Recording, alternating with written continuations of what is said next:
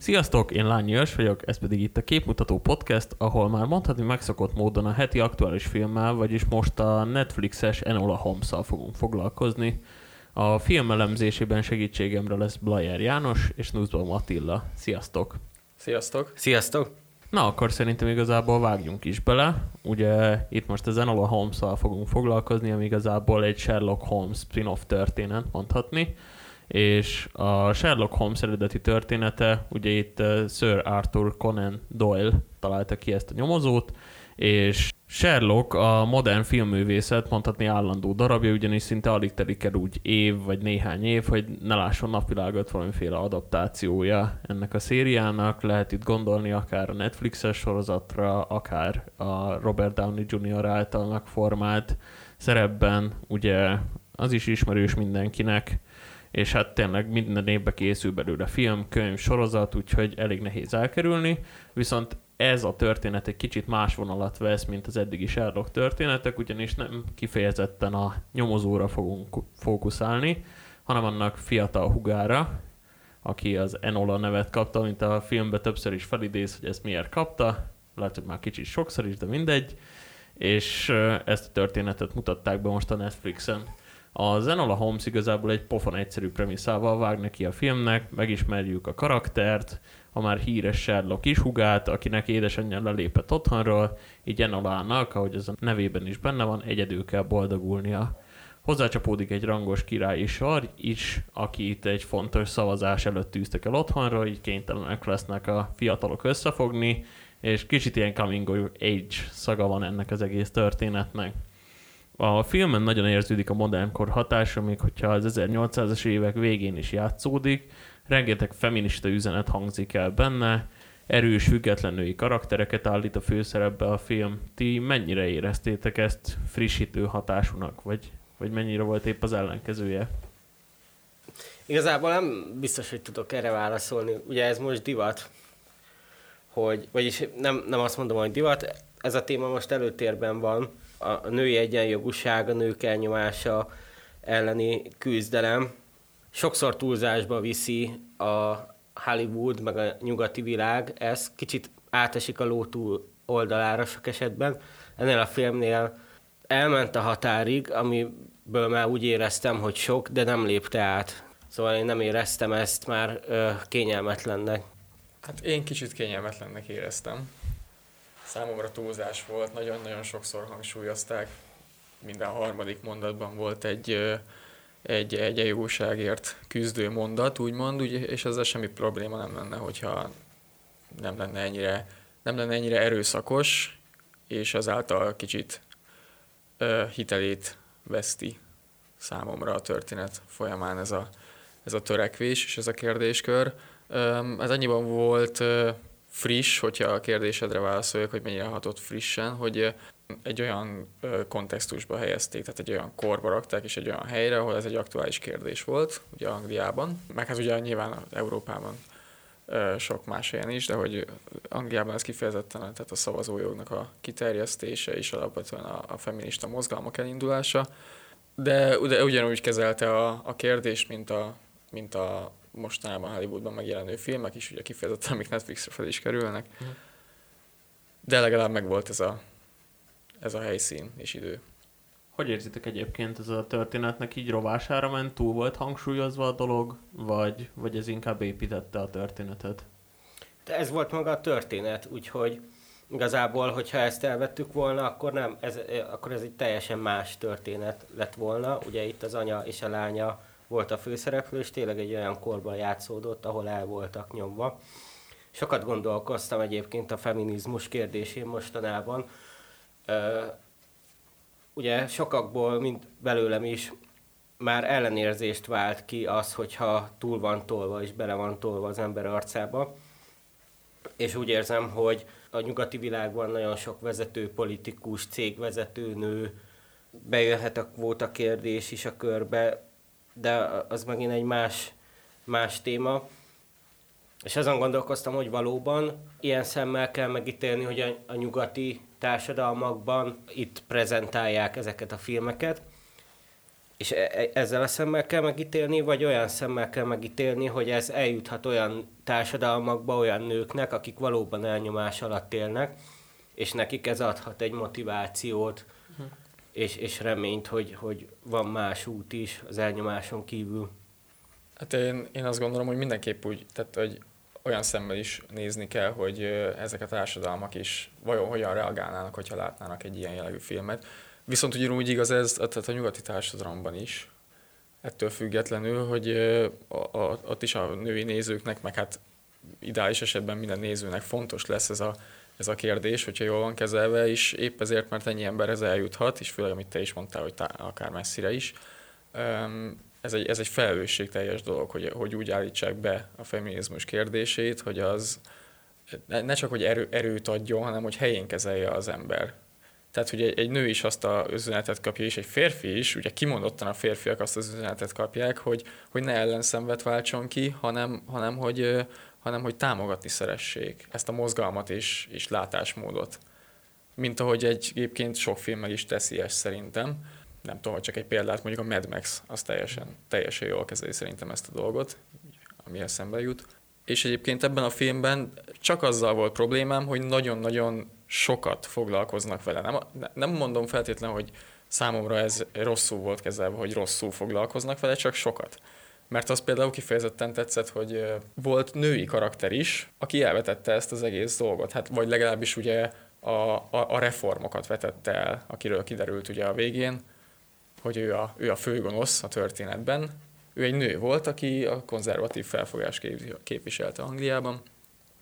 Tehát nem megint egy megáltalkodott gonosz férfi volt, hanem, hanem egy nő. Elég sokszor ráfogják igazából Hollywoodra, nyugati filmgyártásra, nyugati médiára, és így akár Netflixre is, aki eléggé élen jár ebben hogy nagyon sokat foglalkozik a Netflix igazából olyan sorozatokkal, amik eddig nem nagyon tudtak nagy nyilvánosságot kapni Amerikában. Gondolok itt például olyan homoszexuális karaktereket felvonultató sorozatokra vagy filmekre, amik, amik tényleg ezelőtt pár évvel még nem nagyon kaptak volna nyilvánosságot, és nagyon sokszor támadják őket azzal, hogy igazából miért ezt hangsúlyozzák, miért ezt a világnézetet hangsúlyozzák, nagyon sok olyan válasz van erre, hogy tulajdonképpen az a célja a filmeknek és a modern médiának, hogy nyilván Amerikában azért elég nagy probléma, mind a homoszexualitás kérdése, mint például a feketék kérdése, a társadalomnak nagy része még sokan szélsőséges nézeteket vált ki belőlük ez,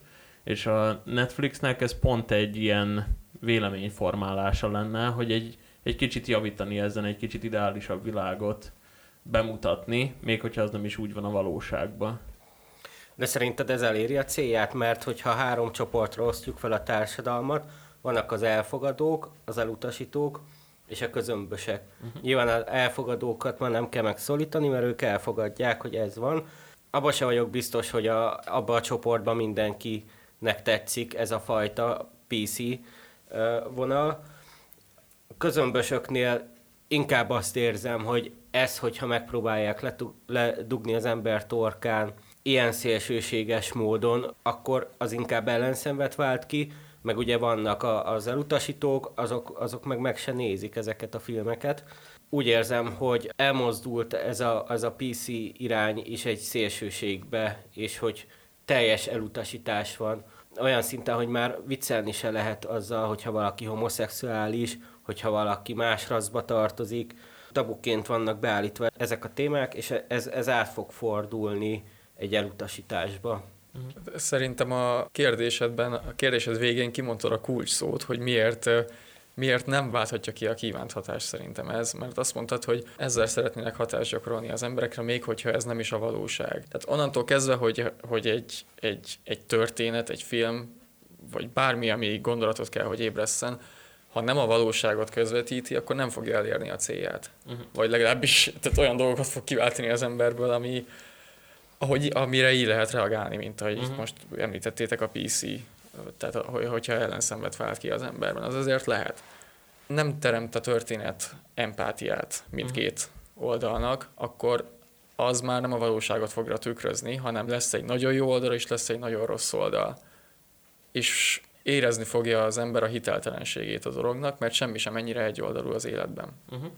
és egy történetnek azt kell szolgálnia, hogy megmutassa, hogy az nincs így. Ha egy történet úgy mutatja be ezeket a kérdéseket, hogy nem a szádba rágja, hanem, hanem burkoltan, és esetleg csak utána esik le neked, hogy ja, ez, az, ez a történet egyébként ilyen dolgokról is szólt, de nem ez volt feltétlen a középpontban, mhm. mert szerintem az Enola Holmesban sem feltétlen ez van a középpontban, attól függetlenül, hogy egy társadalombeli paradigmaváltásról van szó, hogy a szavazójognak a uh-huh. kiterjesztése.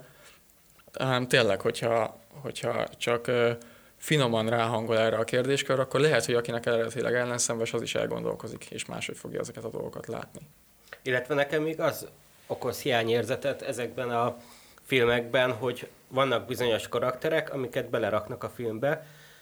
Mindenféle általában van most egy, egy meleg szereplő, egy afroamerikai szereplő, sztereotípiákra vannak osztva, és ezeknek a szereplőknek semmilyen más tulajdonsága nincs, azon kívül, hogy meleg.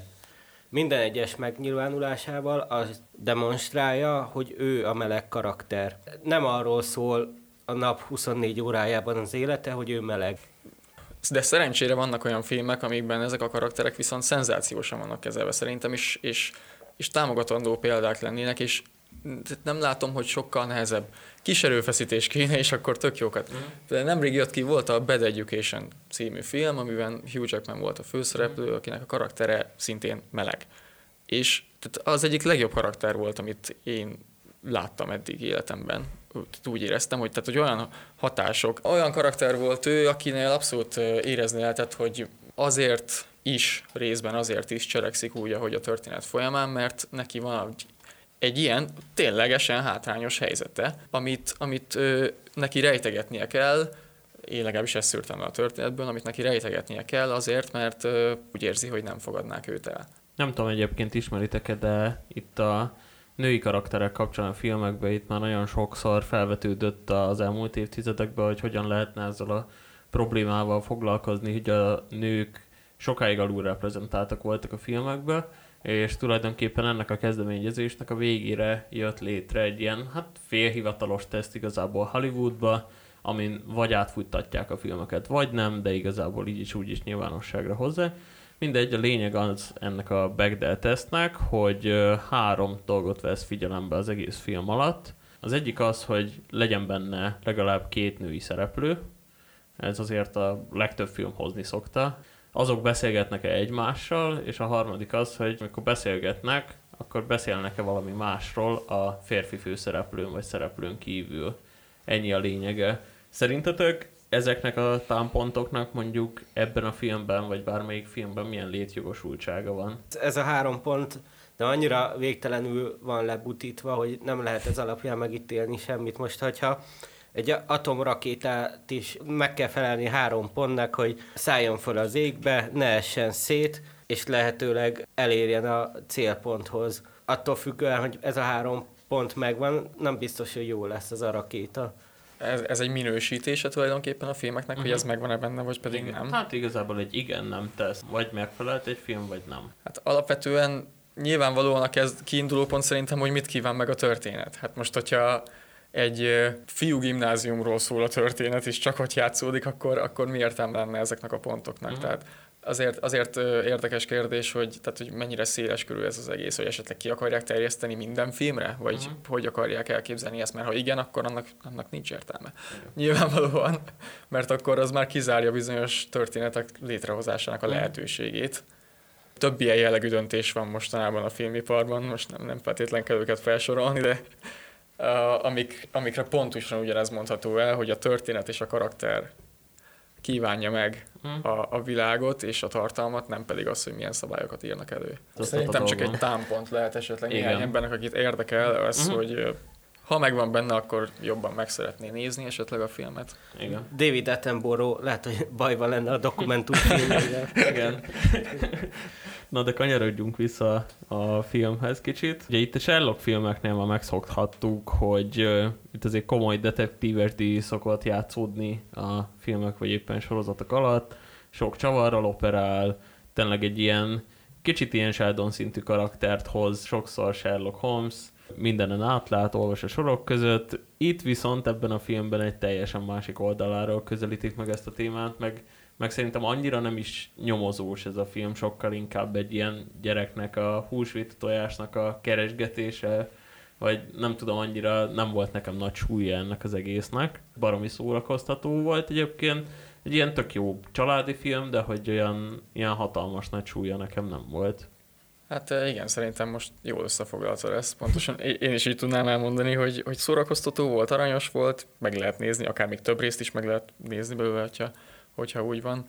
Viszont a történetnek én sem éreztem a súlyát. Egyrészt nem volt, tehát a Sherlock Holmes névhez, vagy a Holmes család nevéhez méltó, ez tényleg a, detektív szál. Nem éreztem azt, hogy olyan nagy dolgokat kellene megfejtenie. És ráadásul kettő központi szára, vagy hát kettő központi történet szára ilyen irányult a, irányult a történet, és hát nem éreztem azt, hogy ezek nagyon jól kiegészítik egymást, inkább úgy volt, mint hogyha a kettőt bepakolták volna egymás mellé azért, hogy mm. meglegyen a hossza a filmnek, és, és ki tudják bővíteni mindkettőt, mert önmagában kevés lenne. Mm. Főleg, főleg annak fényében mondom ezt, hogy, hogy úgy, indult ez, úgy indult ez a film, hogy, hogy az anyja után ment, hogy őt megkeresse, és hogy, és hogy tényleg, amit te is mondtál, hogy, hogy ezt a nem magányként kezelje azt, hogy egyedül van, hanem megtanulja. Ezt el is írja a film a végén, visszakanyarodva kicsit arra, amikor ja, Attila azt mondtad, hogy nyilvánvalóan sokat foglalkozik a feminizmussal ez a film, mert ez a lényeg benne. De hát nem, nem mondanám kifejezetten, hogy, hogy ez a lényeg feltétlenül, hanem az, hogy egy gyerek, egy 16 éves gyerek fel kell, hogy nőjön úgy, hogy a testvérei elhagyták, az apja azt hiszem ő meghalt, nem tudom, vagy elhagyta uh-huh. őket, nem tudom pontosan mi volt, és az anyja is elmegy most, hogyha csak ezt idáig nézzük, és utána neki útra kell kelnie, akkor az önmagában még nem a feminizmus kérdésköre, hanem egy egyszerű történet arról, hogy hogyan legyen önálló egy ember. Nyilván ez egy olyan kontextusban van helyezve, hogy a feminizmussal könnyen össze lehet hozni, na de nekem épp ezért volt ez sok, mert ha ez egy fiú karakter lett volna, akkor ugyanígy meg lehetett volna csinálni ezt a történetet. Maximum ugye nem lettek volna benne azok az elemek, hogy elküldik őt nevelőiskolába, azt akartam kicsit körbejárni, hogy itt inkább a főszál az volt szerintem, hogy amit ki is mond a kamerába a legvégén, tehát a témáját összefoglalja a filmnek tulajdonképpen Enola, azzal, hogy azért, mert ő egyedül van, az nem azt jelenti, hogy magányosnak kell lennie, hanem hogy pont ebben megtalálja a lehetőséget, hogy önállóan felfedezheti az életet, ahogy azt az összes többi családtag is teszi a, a, a Holmes családban. Ami még érdekes szerintem a filmben, ugye itt mondtad, hogy a kamerába kinézve a végén el is mondja így uh-huh. tulajdonképpen a tanulságát a történetnek. Pont ez volt nekem a, az egyik olyan, ami nagyon zavaró volt a film alatt sokszor, hogy ilyen nagyon trendin akarta kezel, kezelni ezt a negyedik fal áttörése dolgot, és a főszereplő Enola, akit Millie Bobby Brown formál meg, ő igazából nagyon sokat néz a kamerába, oda sztorizik sokszor, nem tudom, követitek-e egyébként Millie Bobby Brown-t Instagramon, de hogy így konkrétan olyan, mint egy Instagram sztoria egy nap alatt, de hogy így elmeséli, hogy mi volt vele, és akkor így tulajdonképpen, mintha ezt belehelyezték volna egy ilyen 1800-as évek Angliájába. Szóval, hogy egyfajtában a kamerába mesélt a, a Zenola, és nekem ez kicsit olyan érzés volt, ugye itt van a filmnek a rendezője, aki Harry Bradbeer, és ő rendezett nagyon sok részt a Fleabag című sorozatból, ami rengeteg Emmy díjat nyert, és Phoebe Waller-Bridge a főszereplőnő a sorozatban, nagyon sokat beszél a kamerának, viszont olyan, olyan stílussal teszi azt, és, és olyan fontos dolgokat mondott el, ami tök jól kiegészíti a történetet, és, és neki tök jól is áll, viszont én ezt nem éreztem annyira itt Enolánál. Nektek ez hogy jött le? Mert nekem kicsit olyan volt, mint hogyha Millie Bobby Brown még nem lenne elég felkészült egy ilyen szerepre. Én a Fleabagből egyelőre egy részt láttam, abban ö, zseniálisan csinálja ezt a, a csaj, az biztos. Ö, plusz, amit, amit már nagyon jól ismerek, az az, hogy Kevin Spacey hogy csinálja ezt a House of Cards-ban. Igen. Ö, nyilván az is, az is fantasztikus, ahogy ő kezeli ezt. Viszont engem annyira nem, nem zavart ez a filmben. Szerintem még így is szórakoztató volt, hogy nyilván éreztem, hogy ő még talán nem járott azért színész tudásban, meg úgy az életben, hogy ezeket jól tudja közvetíteni minden, minden helyzetben, viszont olyan kisugárzása van Millie Bobby Brownnak szerintem, ami tehát mindenféleképpen szórakoztató. Számomra végig az volt, amikor ezt csinálta, amikor így kinézett, és ezeket a két-három másodperces ilyen kis poénokat bevágta, és azt is el tudom képzelni, hogy a, az a közönség, akinek ez igazán száma volt ez a film, annak, annak is szintén szórakoztató lesz. Sokkal jobban zavart inkább az tényleg, amit mondtam a végével kapcsolatban, és mikor elmondják a tanulságát a filmnek. Szerintem alapvetően jó ötlet volt ezt behozni a filmbe, mert nem egy komoly filmről van szó, és ezzel meg is mutatták, hogy nem veszik magukat annyira komolyan. Ezáltal élvezhető lett maga a történet. Viszont úgy éreztem, hogy amikor belemondta a kamerába e- ezeket, a, kiesett a szerepéből, nem, nem tudta hozni azt a karaktert, és ez, ez volt kínos igazából szerintem. Egyrészt az, hogy picit sokszor csinálta ezt, másrészt meg tényleg azt éreztem, hogy itt nem a Enola beszél ilyenkor, hanem a Millie Bobby Brownnak a személyiségét láttam, ahogy te is mondtad, hogy nem olyan volt, mint hogyha a filmet nézted volna, hanem olyan, mint hogyha a, a Millinek a instáját láttad volna. És ezért volt egy ilyen picit kínos, már majd, hogy nem ilyen ripacskodás szerintem ez. Uh-huh. Amúgy nektek így, hogyha kicsit visszagondolunk, mi volt eddig a kedvenc Sherlock adaptációtok? Már arról még nem beszéltünk, és azért az elmúlt években volt egy pár jó. Szerintem kevés embernek nem a, a Sherlock sorozat erre, erre a válasza valószínűleg. A Benedict Cumberbatch és Martin Freeman főszereplésével, hát az, az egyszerűen egy olyan világot teremt, meg egy olyan, olyan hangulata van az, hogy a ma Londonjában játszódik, hogy szerintem azt, azt nem tudja semmi, meg a szereplők olyan fantasztikusak benne. Nekem mindenképp az a kedvencem. Szeretem a Guy Ritchie feldolgozásokat is, annak meg van nyilván, hogyha valaki szereti Guy Ritchie-nek a stílusát, akkor ezt is nagyon szeretni fogja a, a filmeket. De ott elvileg még terve is van egy harmadik. Igen, elvileg lesz harmadik, talán egy-két éven belül baromi jól eltalált jelenetek voltak a, azokban a filmekben, amúgy nekem azok a kedvenceim. Én is láttam egy pár részt a sorozatból, mm. az, is, az is nagyon jól el volt találva, de valamiért valamire imádom Robert Downey Jr.-t, úgyhogy Persze, értető. tökre illett a karakteréhez. Uh, amit akartam még tőletek kérdezni, hogy szerintetek mi volt ilyen aktuális kiszólása a filmnek, ennek a Zenola Holmesnak? Ugye itt volt a szélesíteni a szavazati jogot, sokat foglalkozott a nők kérdésével. Volt még valami, amit így láttatok a filmben akár? A Csonka családnak a kérdései szerintem érdekes, meg uh-huh. a családon belüli viszonyok. Ugye, hogy ha a legkisebb gyerek volt, és hogy a idősebb bátyai közül való kitörés, ez nem minden esetben könnyű a legkisebb gyereknek. Hát főleg, hogyha Sherlock Holmes a bátyád azért. Igen.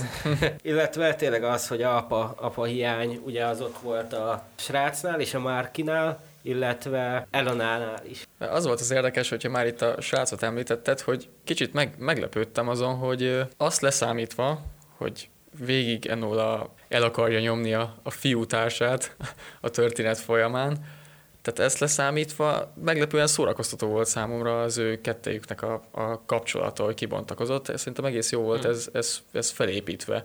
Tetszettek, jól álltak szerintem Millie Bobby Brownnak, ahogy ilyen, ilyen, ilyen tínédzser módon mondogatta neki is, és a kamerának is, hogy milyen idegesítő a srác, meg minden is közben éreztük azt a sugallatot, hmm. hogy, hogy tetszik neki végig.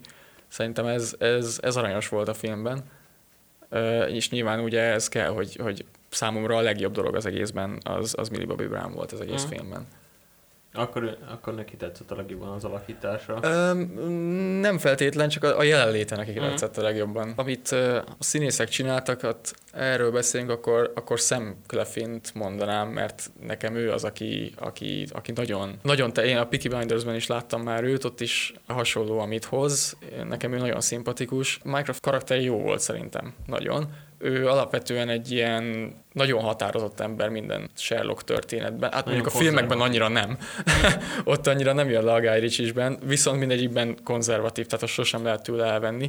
A Sherlock sorozatban is, és itt is, itt, itt a legszélsőségesebben konzervatív, itt, mm. na, itt nagyon úgy volt beállítva, tehát hogy még a, tehát a hugát is teljesen mértékben el akarta nyomni a történet során, ami viszont aztán a végén kicsit furcsa volt, hogy ezt nagyon egyszerűen feladta és olyan volt, mintha Sherlocknak és Mycroftnak, meg a Mycroftnak és a társadalomnak a visszáját egyszerűen csak így eldobta volna a film, mert ugye ide egy nem lehet ennyire komolyan venni ezt a kérdést talán, mert ez mégiscsak egy családi film. Tehát ő, ő nagyon szilárdan képviselt valamit, amiből aztán nem az lett, és mintha meg se kottyant volna mm-hmm. neki. A Sherlock, ő maga Hát nem sok szerepe volt. Tehát szerintem kifejezetten azért volt hasznos a jelenléte, hogy, hogy kifejezzék, hogy abszolút elalán van a hangsúly, és nem rajta. Csinálta néha a szokásos Sherlockos dolgokat, meg most viccelődött is. Viccelődött egy kicsit, Néha igen. Jókat is rögtem rajta, úgy volt. Igen, igen, igen, igen. Kicsit, kicsit karaktertől nekem idegen volt, amit alapból megszoktam tőle, de szerintem jól hozta Henry Cavill. Öm, igen, és volt neki egy nagyon fontos szerepe, mert ő volt az a férfi, a történetben, akinek a karakterfejlődése abban mutatkozott meg, hogy ő már az új irányt képviselte, mert meggyőzte őt a, a női közössége a uh-huh. filmnek. Tehát nem nagyon volt más ilyen férfi karakter. A, a, a srác az már az elétől fogva így gondolkozott, uh-huh. tehát nála nem kellett ilyen hatást kiváltani, viszont Sherlock képviselte ezt, én így láttam. Igazából kiemelkedő nekem is a Mycroft karaktere volt, nagyon jól hozta ezt az ellenszenves figurát, meg a, az ilyen politikai megnyilvánulásai is szerintem láttam a mögöttes tartalmat, hogy elengedte ezt az egészet, nyilván már megvolt a szavazás, eldőlt, úgy volt vele, hogy ezt a csatát elvesztette, hogy ez nem is szerintem az volt a célja, hogy elnyomja ezt a lányt, hanem az volt a célja, hogy az ő renoméját megtartsa. Ebben igazad lehet. És innentől kezdve már nem volt érdeke. Szóval egy, egy ilyen nagyon narcisztikus személyiség, szerintem érzelmileg nem viszonyult a lányhoz egyáltalán. A politikai karrierje volt neki a lényeg. A Sherlock pedig nem gondolt bele szerintem ebbe az egészbe. Ő élte a saját kis életét, ezt úgy a fejéhez is vágta Enola a film vége fele, hogy neked nincs barátod, barátnőd, még egy macskát sincs, csak a saját kis rejtvényeiddel vagy elfoglalva és akkor volt egy ilyen egy-két másodperc szerintem, hogy rádöbbent, hogy hú, tényleg, de amúgy tökre szerettem a hugomat, el, eltettem neki azt a dobozt is, amivel játszott kiskorába, és hogy miért van az, hogy akkor nem tudok felelősséget vállalni érte. És akkor ez, ez volt az a pálfordulás, amiért úgy döntött, hogy gyámjává fogadja. Enolának a anyja is kifejezetten tetszett, a bérgyilkosnak a szerepét is ki tudom emelni. Neki egy ilyen nagyon klasszikus, ilyen a brit karakteres arca van, nekem nagyon tetszett az, hogy őt választották be, tényleg ilyen, szerintem, hogy ha visszamennék az időben, 1800-as évekbe, London utcáin szembe jönne velem ez az arc. Nem éreztétek úgy picit, hogy mintha sok fő gonosza, vagy gonosza lett volna ennek a filmnek? Nekem picit az volt az érzésem.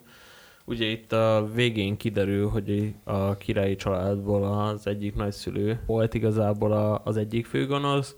Ugye ott volt a bérgyilkos, akit utánuk költek, igazából Mycroft karakterei is elég negatív fénybe tűnt föl sokszor. Igen, igen, igen. Tehát alapvetően nekem nem, nem volt sok, mert lényegében egy főgonosz volt, uh-huh. szerintem. És, és egyébként ezt, ezt, ezt kimondottan jól kezelte a, a történet, hogy most, hogy így belegondolok, az volt a csavar, hogy nem a nagybácsi, aki feminista ellenerőt képviselni, hanem a, ugye, mint korábban mondtam, hanem hogy a, az idős nő, a, mintha egy kis, kis iróniaként is, ilyen uh-huh. kritikaként is fel lehetne ezt fogni a feminizmusnak ezzel a fajta irányával, amiről is most sokat beszéltünk. Nem hiszem, hogy ilyen célja volt a filmnek, de de, de jó ezt is belelátni esetleg, hogy nem kell mindig arra gondolni, hogy, hogy a, a férfi, hanem, hanem hogy ez is előfordulhat is. Ellenpólusként jó erre, szerintem.